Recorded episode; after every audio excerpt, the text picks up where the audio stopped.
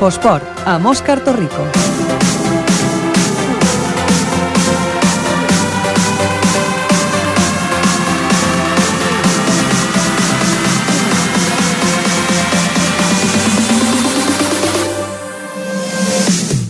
Molt bona tarda. Efectivament, això és l'Infoesport, el programa dels esports aquí a Ripollet Ràdio, en el programa en el que cada dilluns us repassem, us apropem a l'actualitat dels esports i dels esportistes d'aquí, de la nostra ciutat, de Ripollet.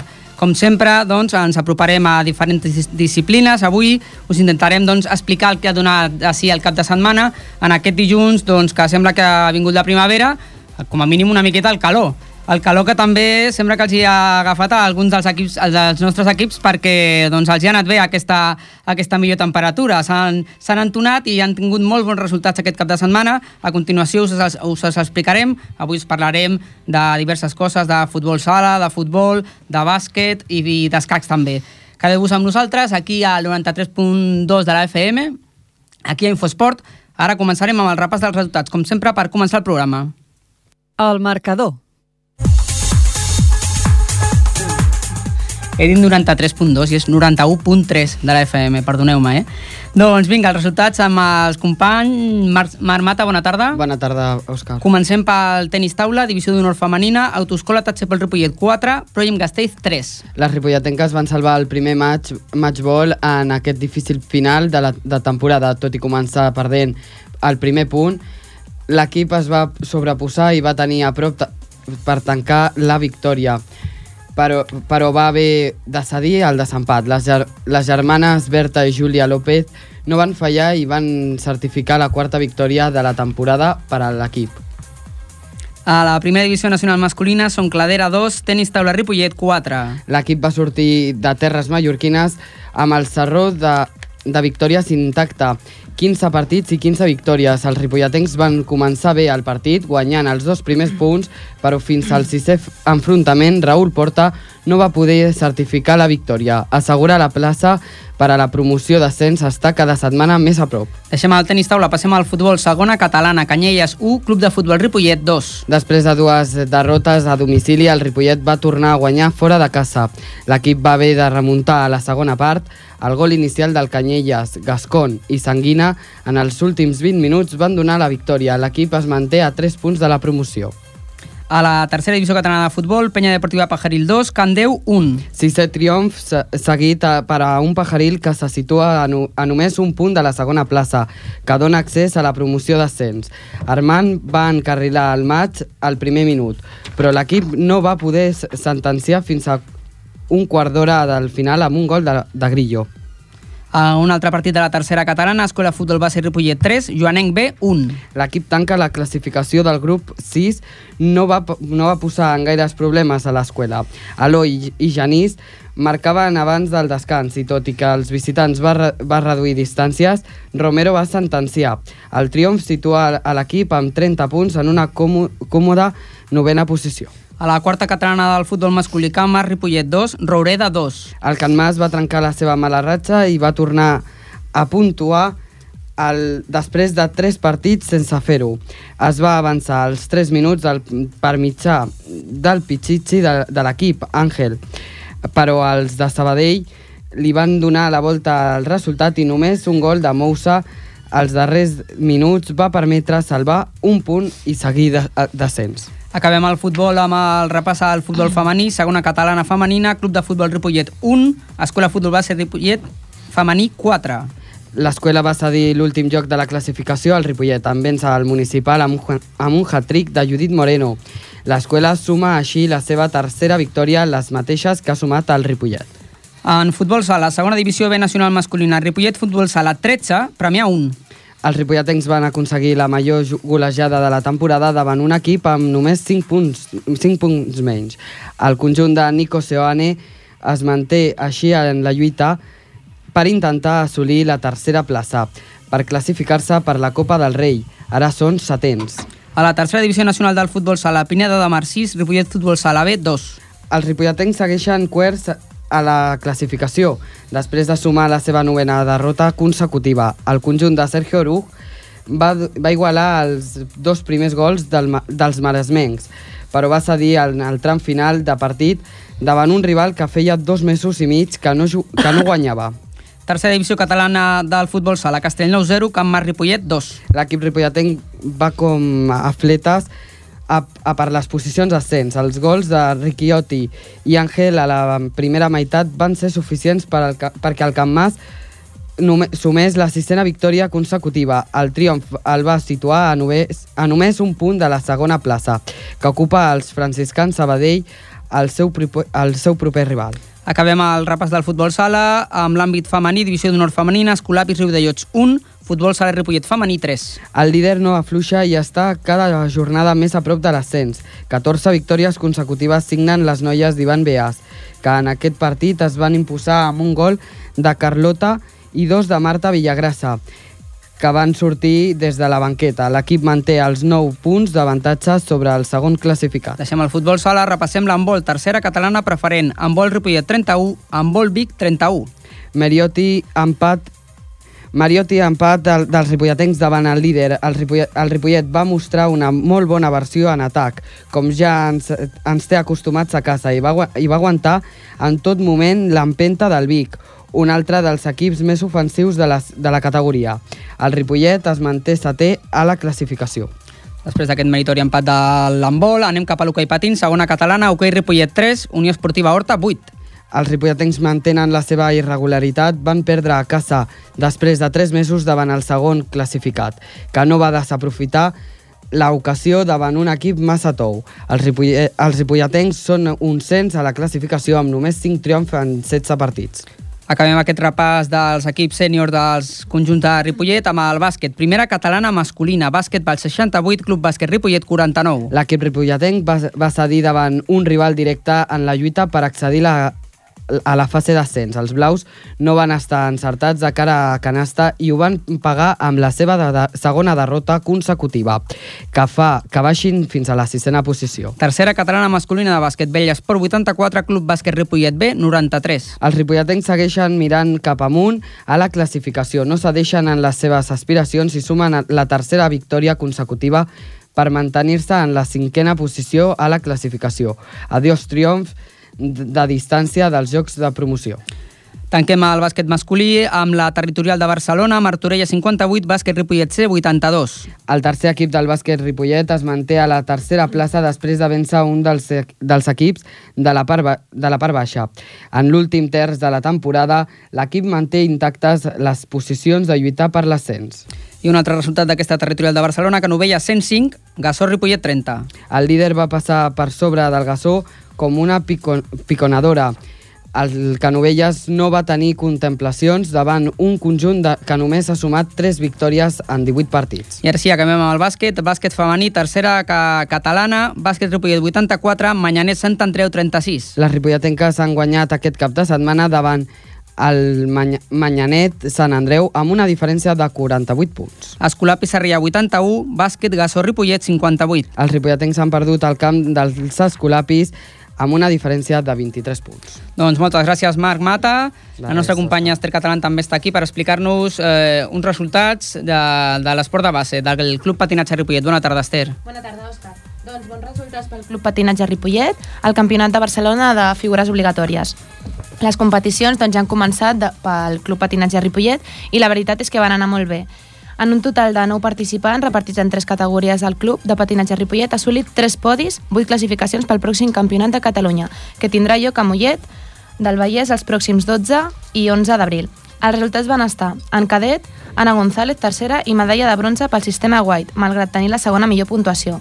Berta Llorca, quarta, i Laia Fernández, setena. En juvenil, Alejandro García, segon, i medalla de plata. Anna Martín, 15, i per últim, en categoria júnior, Neus Forsen, tercera, i medalla de bronze després d'una gran remuntada amb l'última figura. Sigrid Bono, sisena, Maria Fernández, novena, i Doia Company, onzena. Tots aniran al Campionat de Catalunya, a excepció de l'Anna Martín, que en canvi ella competirà a la Copa de Barcelona. Doncs moltes gràcies, Esther. A partir d'ara doncs, ens endinsarem una mica en alguns d'aquests resultats per explicar-vos més millor com han anat aquests partits. Amb el nostre company, el Xavi Gispert, el comandament tècnic, comencem. Tenis taula, tenis taula, tenis taula.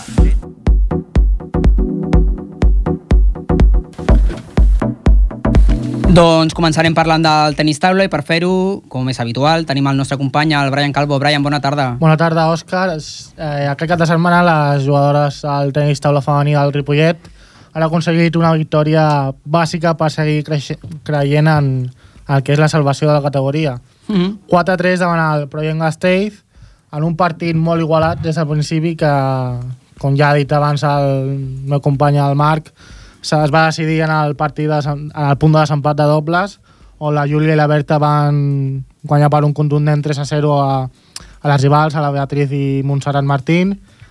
I amb aquesta victòria doncs, continuen en aquesta lluita per la salvació. A, segueixen novenes a la classificació és a la penúltima amb 8 punts però eh, da, davant tenen el Ciudad de Narón, el Vincios Bade i el Bassa Arroyo amb 10 punts. Significa, què significa? Que per una plaça de descens hi ha quatre equips en, en disputa. El darrer lloc és pel Santiago Promesas, però està Aquest ja pràcticament- decidit. Ja està decidit a, i baixarà de categoria. Eh, aquesta setmana tenim el plaer de parlar amb la Ana Ibáñez. Hola, Ana, bona tarda. Bona tarda. Bona tarda, Anna, jugadora de l'Autoescola Tatxepol Ripollet. Exacte, i primer de tot, comenta'ns com va anar el partit des del teu punt de vista. Bueno, ara tots els partits que, en queda, que ens queden són molt importants i aquests doncs, era el primer d'ells. Era un partit doncs, que va ser molt igualat, van portar tres jugadores bastant fortes, tot i que no van portar la seva estrangera, i tots els partits van ser molt ajustats i igualats que es podia decantar cap un costat o cap a l'altre. Mm -hmm. Aquest partit eh, tan disputat, tan igualat, amb aquesta agonia final al partit de desempat, del punt de desempat, perdó, és el que necessitava, el que necessitava l'equip mm, de reforç moral per continuar lluitant de cara a la salvació?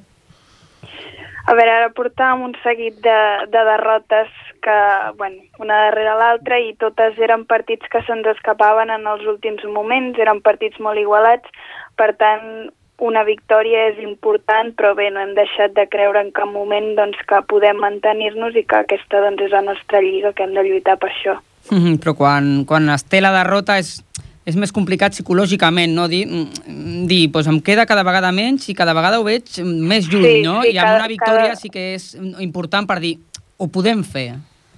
Sí, home, és, està clar que quan vas perdent t'entra l'angoixa de veure que cada vegada queden menys partits i que no pots fallar.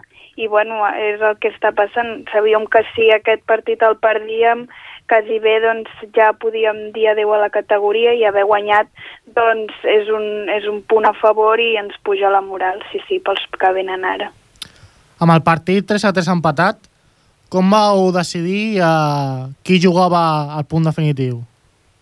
Bueno, aquesta setmana vam estar practicant dobles i, bueno, com que elles havien entrenat més juntes, doncs van acabar jugant elles, però el doble se decideix molt en l'últim moment, qui ja està més fi o qui no, i com que elles No. doncs, l'havien practicat aquesta setmana, van jugar les dues germanes.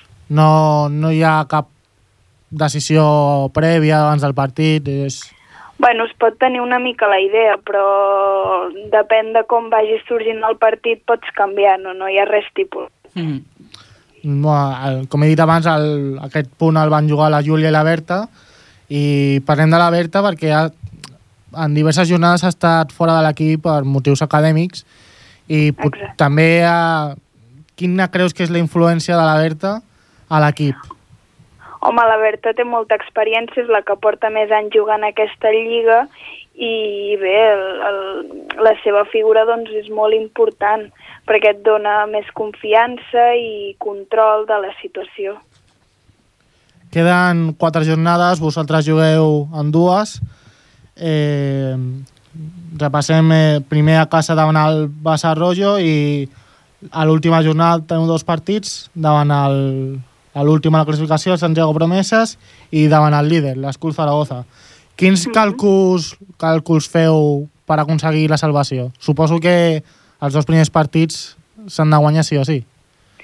A veure, fer càlculs és complicat perquè se'n poden anar norris, però el que està clar és que els hem de guanyar, hem de guanyar el màxim de partits possibles perquè encara que estiguem nosaltres en fase de descens, els equips que tenim per sobre només tenen una victòria més. Per tant, doncs, hem d'intentar guanyar el màxim de partits, uh, primers contra Valladolid, que bueno, han fitxat una jugadora, però tot i així, doncs, en tots els partits hi ha opcions, i Mhm. després ens queda el doble desplaçament a Saragossa, que a l'anada vam guanyar l'Escul i el CAI. Per tant, doncs, són partits que podem guanyar, que sabem que podem i que, com tots, doncs, seran molt ajustats com ha sigut tota la Lliga. És molt important. Però, Digue, digues, Anna. no, no, que això que hem de lluitar cada partit perquè mai se sap què pot passar. Amb les tres victòries podríem dir que gairebé segur que us mantindríeu. Eh, si, eh, si es pot fallar algun partit, pot ser el del Valladolid, perquè a l'última jornada pot, pot estar decidit tant el QE com el liderat i això us beneficia? O, o no? O heu de guanyar el Valladolid i després ja es veurà? Hem de guanyar el Valladolid, per, encara que sigui per anar més tranquil·les a Saragossa, però, però això no ho sabem perquè el primer potser li interessa guanyar per anar amb més punts a la fase d'ascens o a l'últim potser vol guanyar, això mai se sap. Mhm. Hem d'anar a guanyar tots els partits i, i ja veurem a veure què passa. Doncs que sigui així i tant de bo doncs, que, que surti com aquesta setmana, encara que es pateixi una mica com s'ha patit, no? però que sí, que surti Exacte. endavant, perquè fa unes setmanes parlàvem doncs, amb el president i havíem, també havíem parlat amb el Miquel Arnau, l'entrenador, i ells ens deien doncs, que, que, bueno, que eren optimistes però que era difícil, però esteu fent doncs, que sigui realitat aquesta oportunitat. Moltes felicitats, Anna. Gràcies. I molta sort pels, pels propers partits. Us seguirem. Vinga, ànims. Merci. Bueno, adéu, Anna. Doncs moltes gràcies, Brian. A tu, Òscar. I continuem ara amb Futbol Sala. Futbol sala. Futbol sala. Futbol sala. Futbol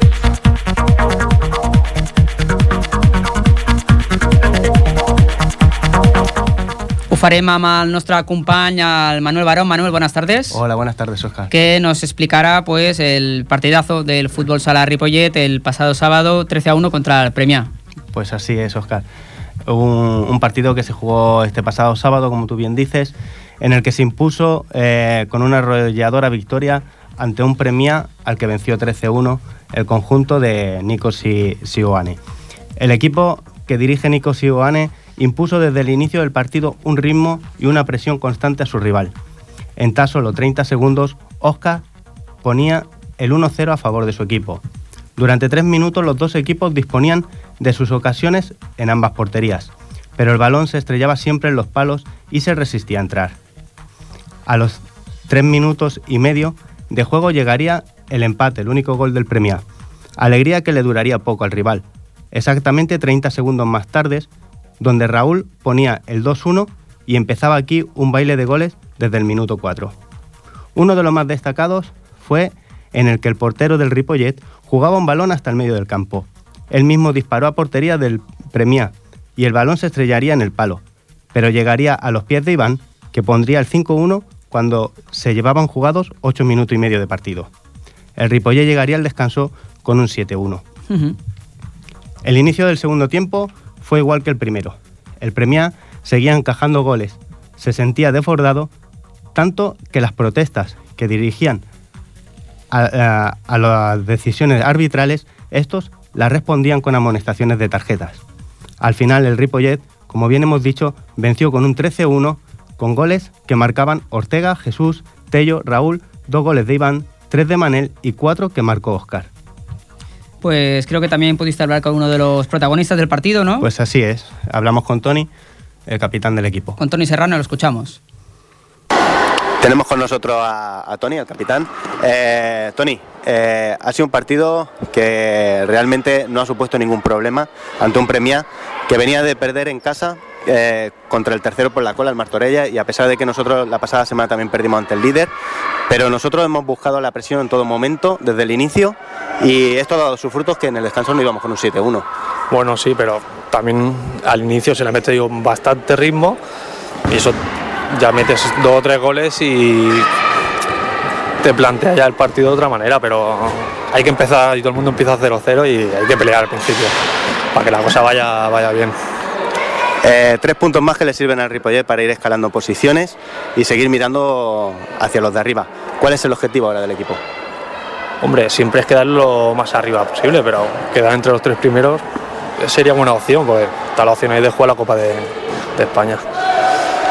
Eh, el pasado 13 de diciembre, ya hace dos meses del año pasado, conseguíamos una victoria ante el Unión Bosco que nos ponía cuartos clasificados a siete puntos del líder. Eh, hasta hoy llevábamos siete partidos con dos victorias y cinco derrotas, dos de ellas en nuestro propio campo. Está siendo una liga muy competitiva para estar noveno en la tabla y despegados del líder. ¿Cómo lo ves? Sí, porque si te fijas del segundo al, al noveno o al décimo hay muy pocos puntos de diferencia. Entonces, eso significa que pierdes dos partidos y te metes abajo. Ganas dos y te puedes meter arriba. O sea, que la cosa está bien que la cosa esté apretada, está interesante. Pues los jugadores del fútbol sala Ripollet que, que están más motivados con esta liga más, más igualada, pero nosotros sufrimos, ¿eh? porque, Sí. porque conseguir esa tercera plaza pues no va a ser fácil en un campeonato con, con tanta igualdad.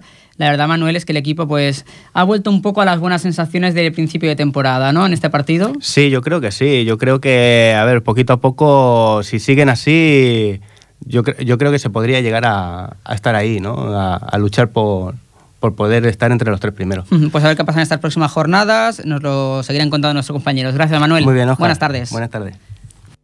L'entrevista.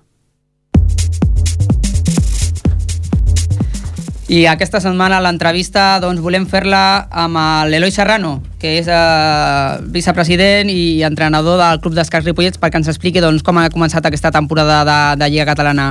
Crec que està a l'altre costat del telèfon. Eloi Serrano, bona tarda. Bona tarda, companys. Com esteu? Com anem? Esteu contents, no? Per la- l'inici la Lliga s'ha iniciat doncs, bastant, ben, bastant bé pels diferents equips. Bueno, de moment sí, de moment no ens podem queixar. Queden tres jornades i tenim els equips ben classificats, els sis equips que tenim, de Mhm. moment. El primer equip que, que va, va baixar la temporada passada eh, doncs ha començat molt, molt bé la temporada, oi? Sí, ara mateix, ara mateix va en primera posició, a manca de tres jornades perquè acabi el campionat. Mm, Tu ens havies comentat alguna vegada que, que, bueno, que la temporada passada aquest descens doncs, va ser una mica injust pel joc que va mostrar l'equip, però finalment es va produir, no? I que el vostre objectiu és tornar, no?, a la categoria més alta, la primera catalana. Primera provincial, Sí. perdona. Sí, sí, l'any passat estàvem a primera regional, que és una categoria mm. adequada pel, pel nostre nivell i pels anys que portem com a club.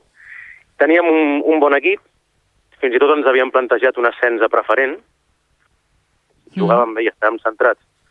Podíem intentar assolir l'ascens, però mira, es van alinear els astres, vam tenir algunes baixes inesperades, mals dies, mals diumenges, i a base d'anar perdent els encontres per la mínima, doncs vam acabar baixant per la mínima a segona provincial.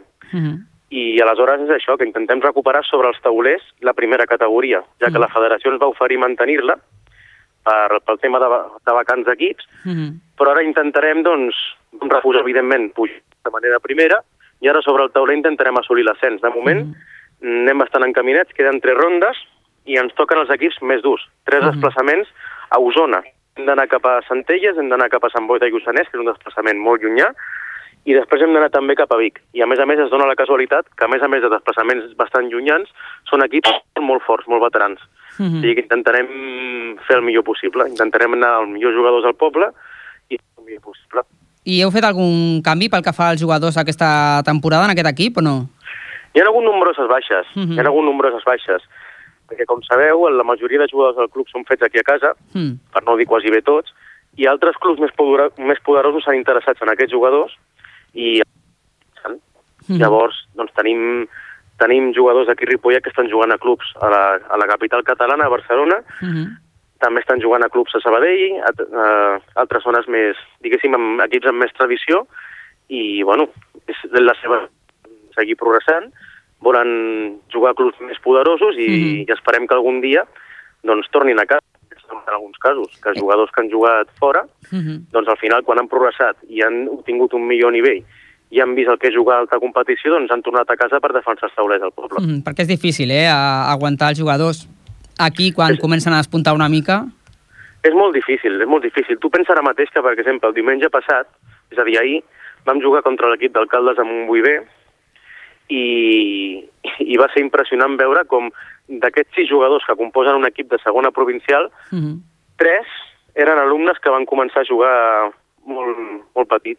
Mhm. Eren, eren jugadors, doncs, diguéssim que ara mateix tenen com a molt 12 anys. Mm. I són, són Pedrera que, els que estan defensant els primers taulers mateix Mhm. del Ripollet a primera provincial, vull dir, a segona provincial. Déu-n'hi-do, déu nhi déu La resta d'equips doncs, també han començat molt bé, no? El... Fem una miqueta El- de repàs, no? El, el B també ha fet un, té un bon inici de temporada, no? Està tercer, em sembla. Sí, el Ripollet ve Mhm. ser ara mateix també a segona provincial, però en un altre grup. I Mhm. m'atreveria a dir que és un grup molt més difícil que el del Ripolleta. Mhm. Està jugant a, a segona provincial. Ara va a tercer i de moment sembla ser que hem assolit l'objectiu que era de la permanència. Mhm. El Ripollet B el composen pares de nens o Mhm. bé jugadors que no tenen l'oportunitat per ter- de practicar durant tot l'any Mhm. i només poden jugar els diumenges i, déu nhi per estar bas- bastant desentrenats, estan fent un bon paper. I igualment, tercers. Mhm. igualment la resta d'equips, eh? perquè els altres dos equips, el C i el D, doncs un està segon, em sembla, no? i que Sí. està molt a prop de, del primer, encara que només puja un, i l'altre també està ja en una bona posició, és a dir, que, bueno, que en general doncs, aquesta temporada està sent doncs, eh, molt positiva. Sí, i després, i després una altra cosa del que, del que estem molt contents és els equips de nens que tenim. La que base, no? La sub-12. base. Sí, els, els dos equips de sub-12 que Sub-12. també juguen els diumenges, que diguéssim són alevins i, bueno, pots, pots alinear també més petits, des de P5 pràcticament. Mhm. Llavors, el Ripollet A, el dels alevins, doncs ara mateix estan en zona de playoff per Mhm. jugar a les finals catalanes amb equips de tot Catalunya Sí. i d'aquest grup de Barcelona, territorial de Barcelona de l'Avins, de, de promoció, diguéssim, Mm. doncs estan a la màxima categoria i tercer. Mhm. I estan, i estan fent-ho bastant bé. Mm, L'objectiu, evidentment, era, era la permanència, perquè són nens de, Mhm. de noves generacions, perquè els altres ja van créixer, els alevins es van fer Mhm. infantils, i els i l'altre equip, el Ripollet de sub-12, que és un equip format per nens de quart de primària cap avall, fins a Mhm. primer de primària, doncs són líders, i amb una mica de sort doncs, podrem comptar equips a la màxima categoria l'any que ve, de nens. Mhm. Tant de bo. Eh, com, com es fa això per, per implicar els nens en un esport que, que, bueno, que és tan diferent dels altres, no? del bàsquet, del futbol, eh, que físicament és tan diferent, com, com aconseguiu implicar els nois i noies? Perquè hi ha noies bueno, és, també. és, molt, és molta feina, molta feina evidentment desinteressada. Són moltes Mhm. hores, són molta, moltes tècniques de motivació perquè els escacs costa moltíssim motivar. És un esport molt interessant però que crida gaire l'atenció. I que és complicat, que és complicat també. Sí, a, a principi és una mica complicat, les coses com són. Al principi és una mica complicat i fins que l'alumne no porta dos o tres anys no comença, no comença a jugar amb força, diguem-ne, Mhm. a ser un bon jugador.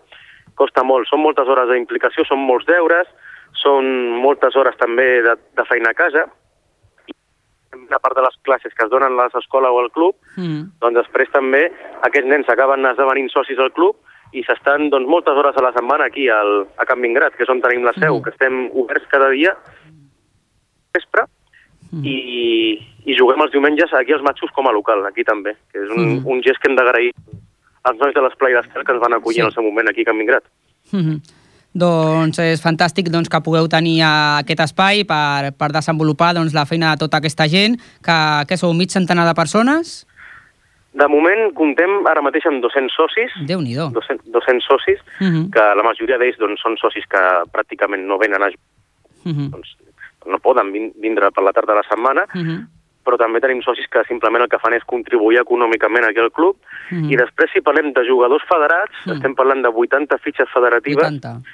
60 de les quals són nens, Mhm. i de un total de 250 alumnes a les escoles, ara mateix, Mhm. de Ripollet.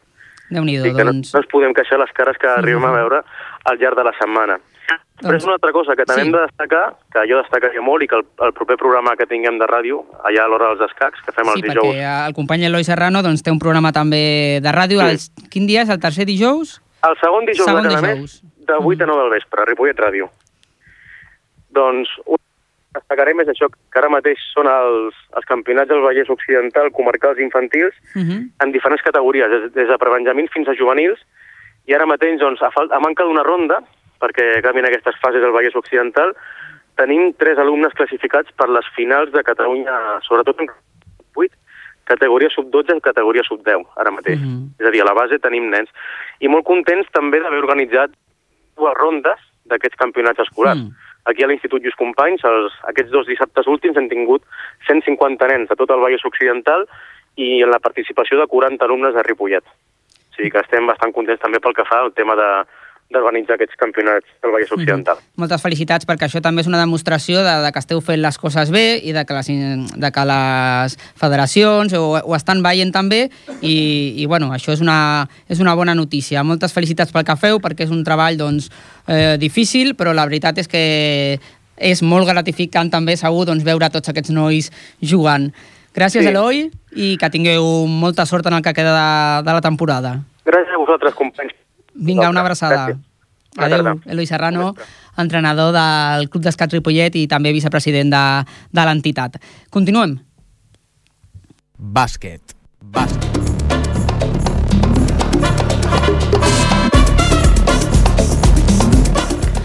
Doncs, com escolteu, ho farem amb eh, una pilota molt més gran que les que parlàvem abans, la de bàsquet, i ho fem amb la nostra companya Esther Catalán de nou. Esther, bona tarda de nou. Bona tarda, Òscar. Ens expliques, doncs, la, la derrota la, que ha tingut aquesta setmana el Club Bàsquet Ripollet masculí. Doncs sí, aquesta setmana el Ripollet tampoc li ha anat tan bé com els altres equips que hem parlat abans. Sí, la calor no... No, no, no, no els ha afectat. Ripollet. Els ha afectat a, a la contra. Derrota del seniora del Club Bàsquet Ripollet davant del Bàsquet Baix. Amb una diferència de 19 punts, el Baix es va imposar davant dels de l'Altimira. A l'anada, el Ripollet va aconseguir una derrota de 29 punts de diferència i el rival els esperava amb ganes. El Baix va dominar el partit en tot moment i va marcar el ritme al llarg dels 40 minuts. El Ripollet va fer un partit molt per sota del seu nivell i, sobretot, de la mentalitat que calia per aconseguir la nova, una nova victòria. El partit va ser un conjunt de despropòsits per part dels prim, del primer equip del Ripollet, que no va estar al nivell que requeria, tant en atac com en defensa. Amb aquesta derrota, els blaus es situen sisens amb un partit menys a la classificació.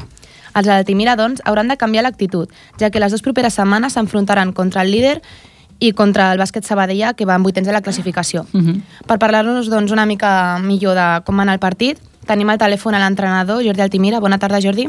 Ah, bona tarda. Hola, bona tarda. Com vas veure el partit, Jordi? Com bé explicaves en la crònica, pues, uh, la veritat és que falta intensitat uh, ens va portar pues, a en el partit, van agafar diferències i ja no, no, vam, saber, no vam ser capaços de poder remuntar. Mm. Molt bé. Com creus que podeu canviar aquesta, aquesta dinàmica? Perquè ja porteu dos derrotes seguides. Sí, bueno, l'única opció és entrenar. És dir, portem dues setmanes eh, per malalties, lesions, doncs que no estem tots el, tot el grup i bueno, la, la, la intenció d'aquesta setmana començar a recuperar efectius i intentar pues, uh, fer entrenos amb més intensitat que ens donin opció al partit de poder estar dintre de guanyar o perdre, com almenys fins al final. Uh -huh. eh, L'equip ens il·lusiona unes jornades, després eh, ens deixa una mica amb l'ai al cor. Aquests altibaixos, com es poden gestionar millor? Bueno, això ja és la veritat de cada un, és a dir, quan, quan jugues contra realitat és molt més fàcil eh, d'estar concentrat, de Jo- vegades, eh, per, Jo, Jordi, Jordi, perdona, t'escoltem Sí, una mica malament. Ah. Et, et mous un moment... Ara perfecte, a veure... Bueno, una, no, no sé si és perfecte, ara ja. Si et mous una miqueta... Ara millor? Ara ja t'escoltem bé, a veure si Vinga. tenim sort. Ens deies tu, No, ah, de sobre els altibaixos. Sí.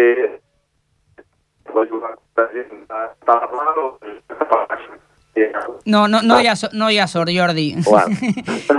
quan, quan pares de parlar, llavors se t'escolta una mica bé. A veure, Ah. ara... Ara millor? Bueno, a veure, intentem-ho. Vinga. Vinga, va. A veure si et, et surt la frase sencera. Vinga, és la, és la, és la, de jugar contra equips de dalt, i, que és més fàcil mentalitzar-se que contra equips de baix. Mhm, No és una cosa que hem d'anar treballant, que és la setmana. mhm. Molt bé, teniu diverses baixes, no, a l'equip? Uh, sí, hem tingut la, el Gerard, que per culpa d'una lesió al genoll pues, no ha pogut jugar aquest cap de setmana, Mm. i l'Albert ha estat tota la setmana en grip, i bueno, l'única opció que, bueno, l'únic entreno que va fer va ser divendres amb el sènior B, i bueno, uh, això ens ha afectat bastant a l'hora de, de notar. Mhm. Uh, quines opcions veus per l'equip per poder entrar en els jocs de la promoció d'ascens? Buf, va, ara, és, ara, és, ara és complicat, ara en aquest moment amb dues derrotes consecutives és complicat eh, mirar-ho, no? però bueno, la intenció és, és estar entre els quatre primers.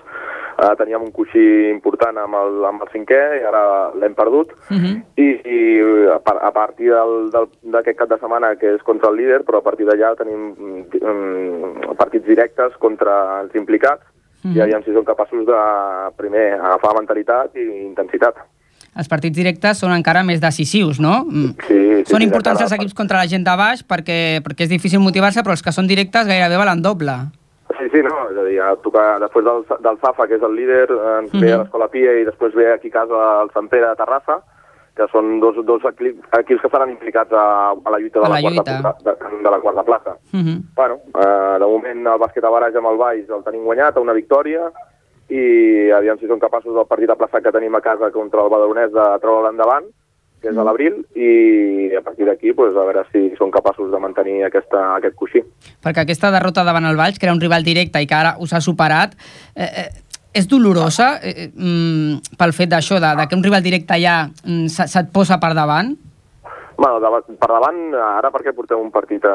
Un partit menys, no? sí. El tenim a una, a una, una victòria i bueno, hi ha bàsquet a Baraix que serien dos. Mhm. Uh, ens deixa tocats per la, per la, per la forma de com vam perdre, no per, Mm. perquè era un partit que a baix, a casa d'ells, eh, pues, bueno, ells tenien ganes de, de guanyar-nos perquè aquí a casa no van jugar gaire bé i era un partit que es podia perdre, però no de la forma de la qual vam perdre que això és el que fa més mal, no? És a dir, no, no, no, la, no la derrota en si, sinó la forma en què, en què vam perdre.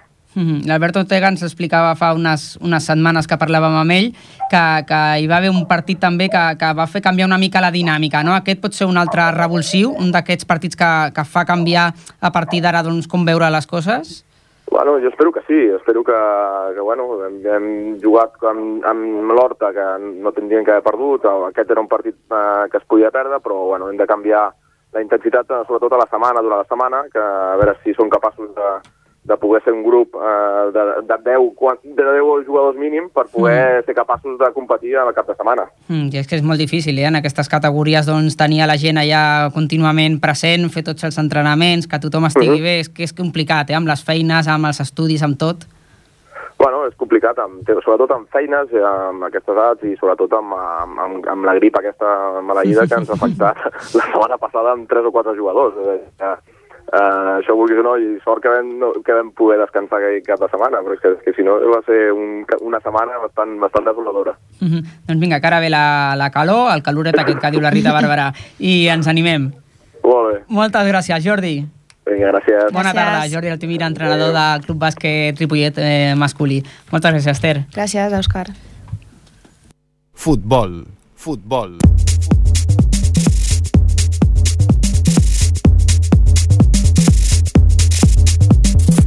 Doncs anem ara al futbol i ho fem amb el nostre company, el Marc Mata, que és el que està tossint per allà per aquell racó. Marc, bona tarda. Bona tarda, Òscar.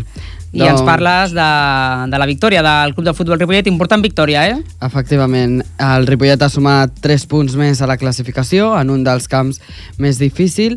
L'equip de Juan Carlos Torres va guanyar el camp, el camp del Canyelles en el partit d'ahir di- diumenge per 2 a 1, sumant dos triomfs consecutius. Amb en Carlos Mampel lesionat, ahir va debutar el Jordi Fuentes, que es va mostrar molt segur sota pals i que va ser clau quan un cop marcat l'1 a 0 a favor del Canyelles va evitar més gols dels de Barcelona, amb una doble intervenció providencial després d'un xut i, i una altra a boca de canó després del seu rebuig. El partit, però, va començar amb un gol del Canyelles després d'un contracop. Unes, eh, el Ripollet va tenir l'avantatge de jugar contra 10, despre 10 minuts després de l'expulsió del capità local. Amb el marcador en contra, en Torres va canviar l'esquema, optant per una defensa de 3 i amb en Gascon al camp, que va començar a la banqueta després del partit de sanció. Un cop més, en Gascon va ser clau en la remuntada d'un equip, malgrat les adversitats mai va deixar d'insistir sobre la porteria del Canyelles, que va que amb el resultat a favor i amb inferioritat numèrica esperava al darrere per, per, mat, per matar el partit eh, al contracop. Mhm. El Ripollet va empatar quan el partit començava a defallir, després d'una sèrie de, de xuts on la pilota semblava que no volia entrar. En, Gasto, en Gascon engaltava un xut magnífic dins l'àrea, quan només quedaven 15 minuts l'equip local quedava molt tocat després de l'empat ripolletenc i més quan en Javi, aprofitant una magnífica assistència de Borja, regatejava els rivals i marcava el definitiu 2 a, 2 a 1. Mm -hmm. La pressió sobre l'àrea visitant va ser una, una constant en els 9 minuts restants després del gol del Javi, en el minut 84, i fins que va acabar el partit. Per parlar d'aquest partit tenim l'oportunitat de fer-ho amb l'Eric Marroco, jugador del Ripollet. Buenas tardes, Eric. Buenas tardes, Marc. ¿Qué tal? Hola, eh, Eric. Ayer domingo os enfrentasteis al Cañellas en el partido de vuelta en su casa. Al principio os marcó, pero después vosotros pudisteis remontar y les marcasteis dos goles. ¿Cómo fue el partido? Sí, bueno, fue un partido difícil. Sabíamos que íbamos a un campo pequeño donde el rival sabe a lo que juega allí y, y nos lo pusieron difícil. Tuvimos la suerte de encontrar una expulsión en contra de ellos y, y sin perderle la cara al partido seguimos jugando hasta el final y pudimos remontar. Uh -huh. Es la primera vez que conseguís dos victorias consecutivas desde que Juan Carlos Torres es el míster del equipo. ¿Estamos ante un cambio de ciclo? Bueno, un cambio de ciclo no sé. Nosotros nos basamos en cada entrenamiento darlo todo, trabajar semana a semana y cada partido como si fuera una final. Uh -huh. Eso es lo que se basa todo y lo que... ¿Sí? Sí, sí. Ahora, ahora, parecía que se había cortado Ah. un poco, pero seguimos, seguimos aquí. Vale, no, lo que decía, eh, nos basamos en trabajar y trabajar y pensar en qué, qué puede pasar con el rival y en qué podemos ganar en el campo. Y es trabajo durante la semana y llegar al partido como si fuera una final. Y así durante toda la temporada será así. Mm, No fue un partido fácil porque tuvisteis unos cuantos lesionados, ¿no es así? Sí, tenemos bastante lesionados, pero, pero bueno, el equipo es lo que decía yo antes, no, no dejó de, de seguir en el partido, se luchó, se luchó y al final las cosas se consiguen. Los lesionados se van recuperando poco a poco y, y de momento el equipo está bien. Ujú. Hablemos un poco más de, de ti. Tú eres uno de los nuevos fichajes del Ripollet. ¿Cómo te estás adaptando en el equipo? La verdad es que adaptarse al equipo es fácil, es un buen grupo, tanto como fuera, dentro del campo, buenas personas y un equipo que está unido, que a cada partido van, van juntos, es fácil adaptarse a un equipo así. Y de momento bien, estoy muy contento. Eso pese a que, pese a que el equipo ha sufrido muchos cambios de jugadores ¿eh? durante toda la temporada, muchas altas, bajas. Pues hoy nos comentaba Mar, por ejemplo, que, que es el tercer portero que debuta ya esta temporada Jordi Fuentes, es decir, que no, que no hay una continuidad del bloque, que se está cambiando mucho el bloque, pero aún así el equipo sigue en la pomada y a tres puntos de, de la promoción. Sí, sí, el equipo es lo que digo yo, es, es- está unido y, por mucho que, que haya bajas o altas nuevas, el equipo abre las puertas y las cierra muy bien y la gente se adapta muy bien. Yo me he adaptado perfectamente. Eh, hablemos de objetivos. Personalmente, ¿cuáles son los tuyos? Mis objetivos, mm, bueno, vengo de primera catalana, que, que ha sido un, un bajón de categoría, pero bueno, aún, aún progresar con el equipo, trabajar con este equipo, llegar a hacer una buena temporada y si es posible el ascenso. Los, mis objetivos ahora principalmente es el, es el equipo.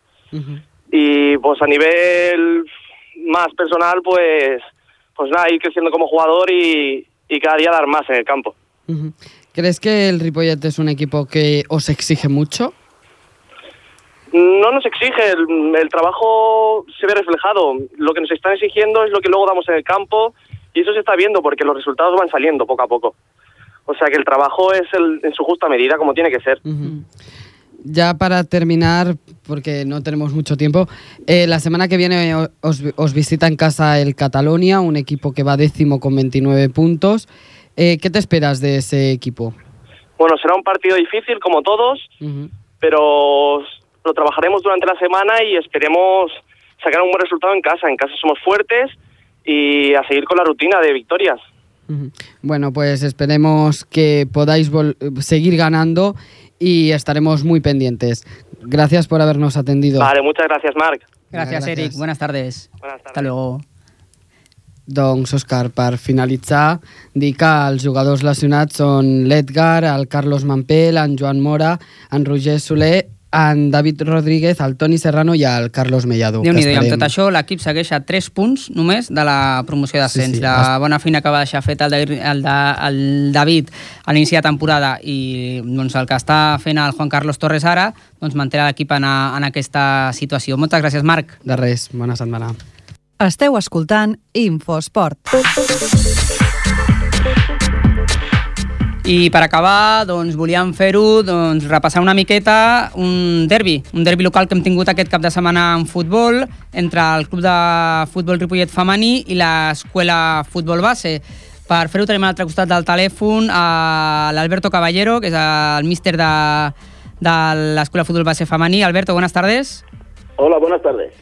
El partido con victoria, ¿eh? La verdad os habéis escapado ahí de la última posición y encima contra el rival de la ciudad. Pues sí, la verdad es que sí, nos ha venido bastante bien y bueno, hemos dejado de ser el farolillo rojo. Bueno, estamos trabajando para eso, tenemos muchas limitaciones, pero bueno, estamos muy contentos. Sobre todo limitaciones en cuanto al número de jugadoras, sobre todo, ¿no?